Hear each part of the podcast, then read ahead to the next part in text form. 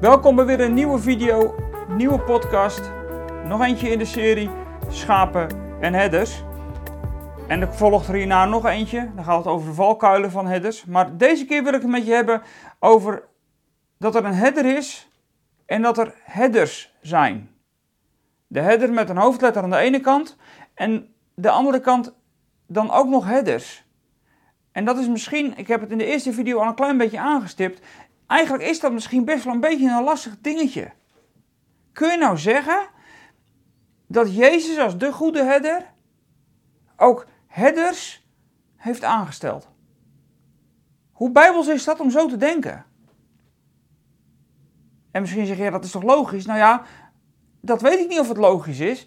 Want als je namelijk leest hoe negatief Jezus is over herders die geen herders zijn, Oude Testament, Nieuwe Testament, over de huurlingen, over die roven, dan kun je je afvragen of dat het nou wel zo bijbels is om dan maar te zeggen, zijn er dan nu ook nog herders?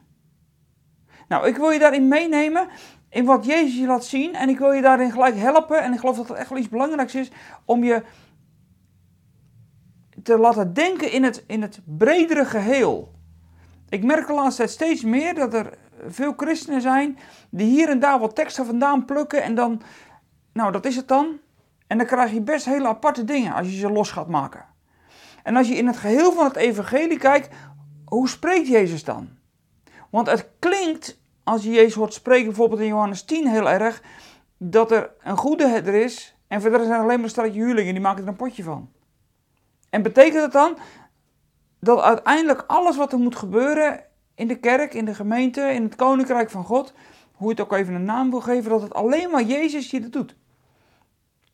En ik wil je daarmee helpen om in een breder perspectief te kijken. Omdat namelijk Jezus, als hij een beeld gebruikt, het vaak maar een beeld is ten dele. Een beeld is wat niet helemaal, wat je altijd helemaal door kan trekken. En die er ook weer andere beelden bij betrekt, waardoor wel blijkt hoe dat Jezus nou eigenlijk bedoelt. Nou, daar gaan we het deze keer over hebben, over de header met een hoofdletter en over headers. En dan is het straks ook gewoon de vraag, en die stel ik maar, zou jij een header willen zijn? In de bediening van Jezus. Zou jij dat willen? En ik zeg niet, en ik vraag je niet of je er een roeping nu voor hebt. Ik vraag me je of je een header zou willen zijn. Misschien wel een aanleiding van de video van vorige week, waar het ging over de principes van de header. Maar zou jij een header willen zijn? Zou je willen dienen in die manier van herder zijn, zoals wat Jezus ons heeft laten zien in de gedeeltes waar we de vorige keer bij stilgestaan hebben? Nou, neem die vraag even met je mee. Ik zou zeggen, luister mee kijk mee. Denk ook mee. En ik hoop dat je in dat brede perspectief lijnen ziet lopen naar headers nu. Niet alleen toen, maar ook nu. Mijn naam is Theo de Koning van eindeloosgelukkig.nl. En bij Eindeloos Gelukkig hebben we het verlangen om discipelen, leerlingen van Jezus te laten zijn, die uiteindelijk uh, dat doen wat Jezus van hen vraagt. En daar kom je steeds nieuwe dingen in tegen. Nou, een van die dingen komen we straks nog wel tegen. Ik zal je straks een verrassende zin van Jezus laten zien. Als het over zijn discipelen gaat. Nou, ik zei al, nou, ik heb me voorgesteld, maar dat wisten jullie natuurlijk al lang wie ik was. De meeste van jullie kijken, denk ik, elke week een video. Nou, heel mooi. We gaan deze keer nog een keertje bij die schapen en bij die herders kijken. En vooral bij de herder en bij de herders. En uh, nou, die grote vraag, ik heb hem gelijk al voor je neergelegd. Hoe zit dat nou? Hoe kun je nou zomaar zeggen dat er dan ook herders mogen zijn, terwijl de Jezus er ook zo negatief tegen is? Want het Oude Testament, Ezekiel 34, en daar kom ik volgende keer nog uitgebreid op terug als het over de valkuilen van herders gaat dan zie je dat er in het Oude Testament heel veel mis is gegaan met de herders die God heeft aangesteld. En dan is God ook heel duidelijk in de profetieën, niet alleen in Ezekiel, maar ook bij Jeremia kom je tegen. Dan zie je bij de profeten in het Oude Testament dat God heel negatief reageert op die herders. En zou dat dan in het Nieuwe Testament dan zomaar beter gaan? Nou, Jezus maakt dan ook gelijk weer duidelijk dat er huurlingen zijn. En die zijn geen eigenaar van de kudde. Dus eigenlijk geven ze helemaal niks om die beesten. Kan hun het schelen. Als er een wolf komt, slaan ze op de vlucht. En hij heeft het zelfs over rovers. Nou is de vraag of dat dan verkeerde herders zouden zijn. Maar je voelt wel aan, Jezus is helemaal niet positief over al die mensen die eigenlijk in de bediening van het Oude Testament aangesteld zijn. Daar is hij helemaal niet positief over. Daar blijkt bijna alles fout gegaan te zijn wat er fout kan zijn. En zegt Jezus dan niet gewoon: Ik ben de goede herder, jongens, kom op. Ik ben de enige. Ik ben de enige herder die er is. Ik ben degene die het goed doet. Toch is dat heel lastig. Dat lijkt namelijk als je Johannes 10 leest wel een beetje zo. Daar heeft Jezus het helemaal niet over andere herders die het wel goed doen. Hij het alleen over huurlingen. En ik denk dat dat beeld van Jezus, dat je dat niet helemaal altijd door kan trekken. Dat is heel lastig, met heel veel gelijkenissen van hem is dat zo. Jezus zegt alleen wel dat hij de goede herder is, maar hij zegt niet dat hij de enige goede herder is. Natuurlijk is hij de herder die uiteindelijk boven het geheel staat. Maar dat wil niet zeggen dat er vervolgens in zijn beeldvorming dat er geen herders zouden kunnen zijn die het ook goed doen. Want Jezus zegt namelijk een heleboel dingen als het gaat over het overdragen van zijn bediening. Dus in hoeverre kun je dingen nou heel letterlijk nemen of moet je ook gewoon veel breder kijken? Want Jezus zegt namelijk heel vaak dat het niet alleen van Hem afhangt. Ik was net even op zoek naar een gedeelte waarvan de tekst in mijn hoofd zat. Die heb ik ondertussen gevonden, Lucas 10. Daar zegt Jezus namelijk dit. Lucas 10. Daarna stelde de Heer 72 anderen aan. Dat is dan nadat hij er al 12 heeft aangesteld. Die hij twee aan twee voor zich uitzond naar iedere stad en plaats waar hij van plan was heen te gaan. En hij zei tegen hen: De oogst is groot, maar er zijn weinig arbeiders. Vraag dus de eigenaar van de oogst of hij arbeiders wil sturen om de oogst binnen te halen. Jezus zegt dus dat er arbeiders nodig zijn. Dat is een iets ander beeld dan dat van die schapen en van die herders. Vervolgens zegt Jezus, maar ik zend jullie wel als lammeren, als schapen onder de wolven. Dus dat beeld van die schapen, dat vlecht hij er ook wel weer ergens doorheen. Maar hij zegt dus dat het nodig is dat er meer arbeiders komen. Want de oogst is groot. Nou zou je gelijk tegen mij kunnen zeggen, ja Theo, maar hij zegt toch dat de oogst, en dat gaat dan over die gelijkenis bijvoorbeeld, waar het onkruid tussen de tarwe is gezaaid. Daar heeft Jezus toch over de engelen die straks de oogst binnenhalen. Dus de oogst wordt toch niet binnengehaald door mensen? Nee, in het ene beeld van Jezus gebruikt hij de engelen als het over het eindoordeel gaat. Maar hier heeft hij het, en hij heeft het ook over oogst. Maar nu heeft hij het ook over oogst. En hij zegt, bid aan de Heer om de oogst om meer arbeiders. En die arbeiders, dat zijn er die 72 die hij uitzendt. En tegelijkertijd bid, zegt hij, bid dan ook dat er meer zullen zijn. Jezus maakt dus duidelijk dat het niet alleen van hem gaat afhangen. Hoe dat die hemel vol wordt. Het hangt dus niet alleen van hem af. Hoe dat het koninkrijk van, van hem uiteindelijk in deze wereld verspreid wordt. En ergens begint dat al op een andere plek in het evangelie. Jezus namelijk, die zegt, als hij zijn twaalf discipelen uitzendt, of eigenlijk uitzendt, hij kiest ze eerst uit. Hij zegt in Lucas dat hij een heleboel leerlingen om zich heen heeft, waarvan hij er twaalf uitkiest. En wat doet hij met die twaalf? Die twaalf die noemt hij ook apostelen. Dat is die uitspraak die ik je even mee wilde geven. Wat doet Jezus? Hij loopt als rabbi rond over deze aarde. En wat doet een rabbi? Die zoekt leerlingen. Elke rabbi in die tijd had leerlingen. En die leerlingen die liepen achter hun rabbi aan en wilden alles leren wat hij deed. En dat had Jezus ook gedaan. En dat waren er meer dan twaalf. Want hij zat daar bij zijn leerlingen en twaalf van hen kiest hij eruit. Twaalf leerlingen dus. Uit dat geheel van die groep die om hem heen loopt. En die twaalf die noemt hij ook wel apostelen. Een discipel is een leerling. Maar een apostel, het woord apostel, ik heb het even opgezocht wat het nou precies betekent. Dat betekent afgezand, of een bode, of misschien in dit verband nog veel beter, een vertegenwoordiger. Wat doet Jezus dus? Hij heeft leerlingen bij zich, die onderwijst hij. En twaalf van hen, die haalt hij eruit. En die zegt, daar zegt hij tegen, jullie zijn vertegenwoordigers van mij. En die twaalf stuurt hij de wereld in. En dat doet hij dan in Lucas 10 nog een keer. En dan stuurt hij de 72, of misschien 70, nou goed, dat getal mag even discussiëren. Dan stuurt hij nog een groep. En dat zijn afgezanten, of je zou kunnen zeggen vertegenwoordigers van hem. Ze gaan in de naam van Jezus.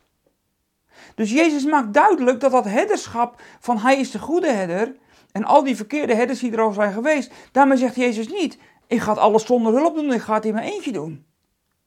Dat zegt Jezus juist niet. Jezus zegt dus dat hij degene die leerling af zijn, die die stap verder mogen gaan dan discipel, die noemt hij apostelen. Vertegenwoordigers van hem, die hij vervolgens de wereld instuurt. Waarom? Omdat de velden wit zijn om te oogsten, de oogst groot is en dat er te weinig arbeiders zijn. Apostelen. Dat woord is niet zomaar uit de lucht komen vallen pas in het boek Handelingen. Jezus die noemt namelijk zijn discipelen apostelen. Hij zoekt dus vertegenwoordigers van hem die in zijn naam doen wat hij zegt. Daarom zegt hij in Johannes 14, vers 12 dat degenen die in mij geloven dezelfde dingen zullen doen als ik. Dat, dat heeft deels met de tekenen te maken die hij deed, maar natuurlijk ook gewoon met het onderwijs dat hij gaf en met de manier hoe dat hij de mensen begeleidde. Dus Jezus geeft zijn bediening door. Hij is wel de goede herder, maar daar blijft het niet bij. Hij zegt niet omdat die herders vroeger er een potje van gemaakt hebben, ben ik nu de goede herder, het is klaar. Nee, hij zegt, ik ga mijn bediening ook weer overdragen.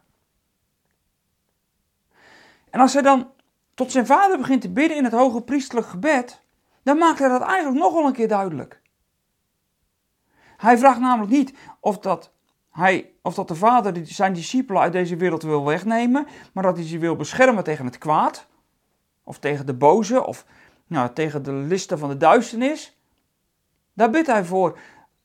Dus niet omdat hij ze weg zou nemen, maar dat hij ze beschermt. Want ze zullen zijn als lammeren in het midden van de wolven, dus er is gevaar. Maar hij zegt niet, met dat ik naar de hemel ga, ik neem ze gelijk maar mee en dan is het ook maar klaar. Nee, hij zegt, ik bid niet dat u ze wegneemt. En dan bidt hij later, en ik bid niet alleen voor hen. Johannes 17, lees het maar na. Ik bid niet alleen voor hen, maar ook voor degenen die door hen in mij geloven. Jezus maakt dus duidelijk dat dit iedere keer door moet blijven gaan. Het is dus eigenlijk discipel, apostel, die vertegenwoordigt Jezus, die maakt weer nieuwe discipelen. en die discipelen, wat doen die vervolgens? Nou, die discipelen, die worden ook weer apostelen. Daarom zegt Jezus, zoals de Vader mij heeft gezonden, op diezelfde manier zo zend ik jullie. Merk je dat het beeld dat Jezus gebruikt, wat een beetje lijkt alsof dat hij de enige is, maar via de brede context van het hele evangelie en vooral de brede context van de manier hoe hij zendt en uitzendt, maakt hij duidelijk, het is niet alleen hij. En in dat verband en in deze brede context van dat hele evangelie, waar hij die goede boodschap brengt, maar ook zegt die goede boodschap gaat niet stoppen als ik straks weg ben, maar ik geef het weer door en anderen zullen het door blijven geven. In die brede context van die hele zendingsboodschap komt uiteindelijk Paulus uit in Efeze 4 bij vijf bedieningen. Vijf bedieningen die Christus heeft gegeven aan de gemeente. Waarvan er dan eentje herder is.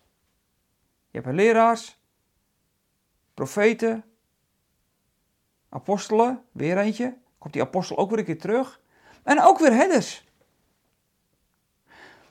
En die herders, dat zijn dan, is een van de vijf die God als het ware uit die grotere groep heeft gehaald. En dan moet je niet denken dat die herders dan maar herder moeten zijn. Maar die vijf bedieningen zijn dan vervolgens volgens Paulus weer gegeven om de volgende groep heiligen, gelovigen, of eigenlijk zondaren die tot geloof zijn gekomen, die worden vervolgens heiligen. En die moeten toegerust worden, waarvoor?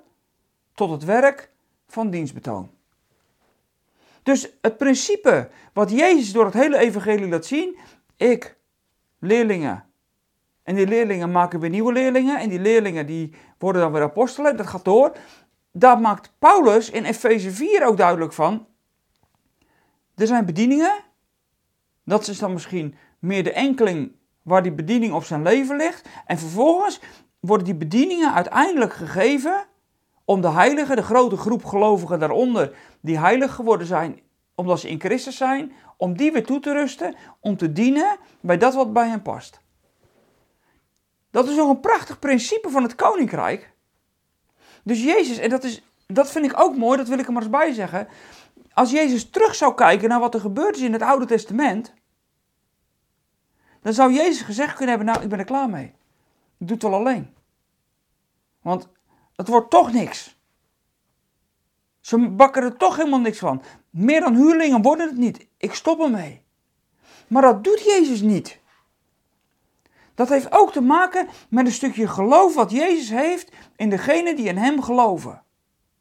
Jezus heeft geloof in zijn discipelen, in zijn leerlingen.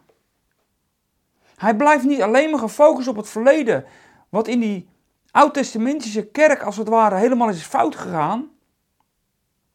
Tuurlijk, dat geeft je zo'n waarschuwing mee, dat is een risico. Daarom zijn er ook valkuilen voor headers.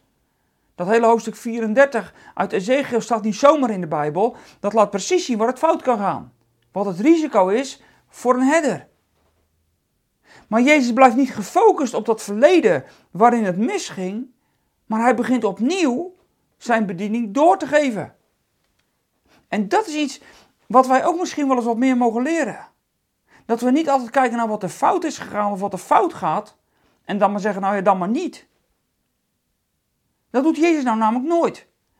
Jezus, die helpt altijd weer als je gestruikeld ben je overeind. En zet je weer op je benen om uit te delen wat hij je heeft gegeven. En om zo zijn koninkrijk te bouwen in deze wereld. Is dat nou niet gewoon een mooie boodschap? En ik zit hier niet te fantaseren, want hier staat het hele evangelie ermee vol. En gaat het dan straks in handeling helemaal goed? Wel nee. Dan krijgen ze ook gewoon ruzie met elkaar.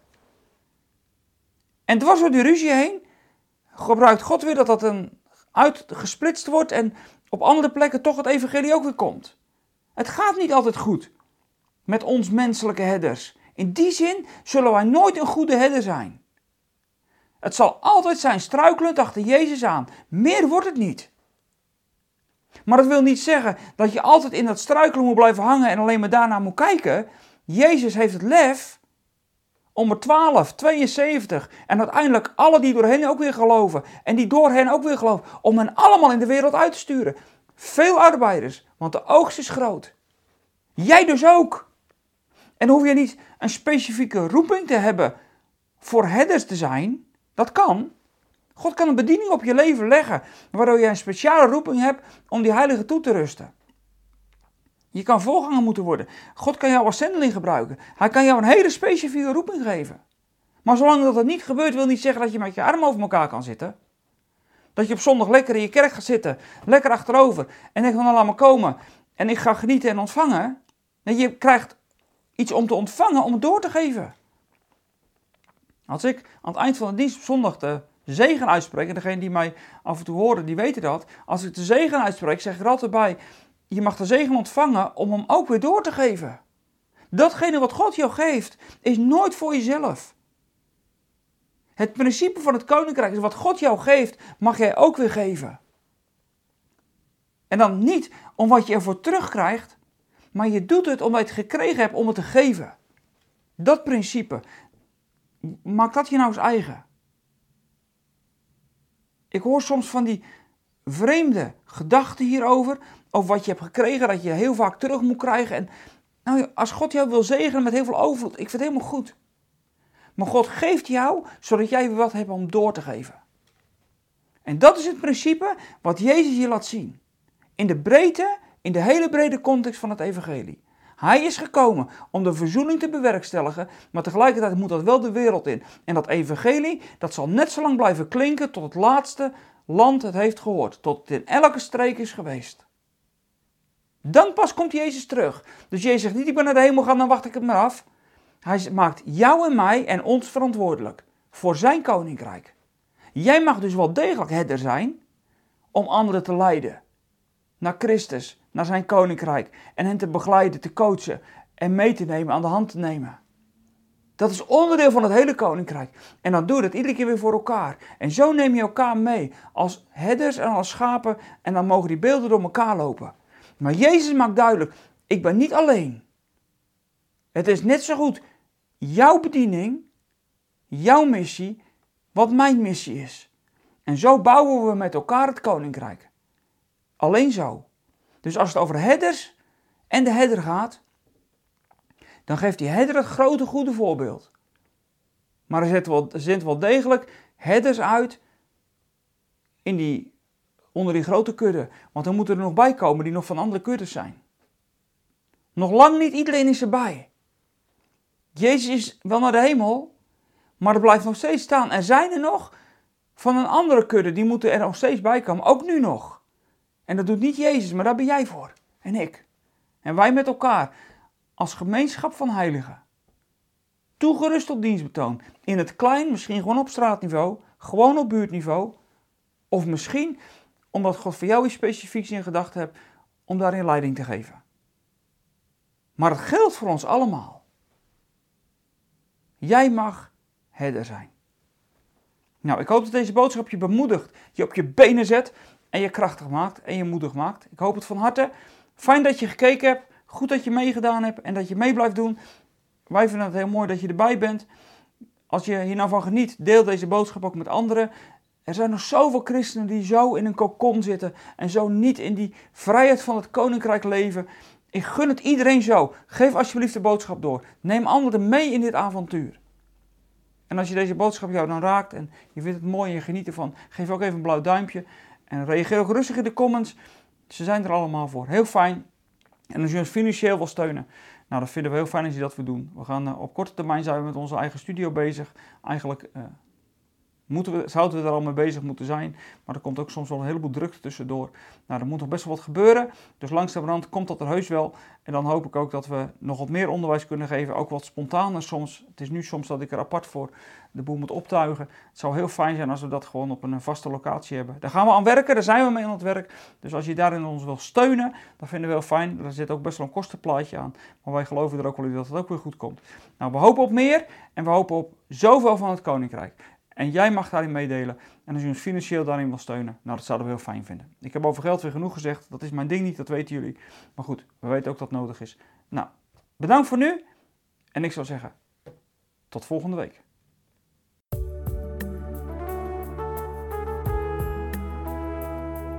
We zijn er weer aan het einde van deze podcast. Spreken deze podcast je aan en wil je ons met de gift ondersteunen? Kijk dan voor meer informatie op www.eindeloosgelukkig.nl slash podcast.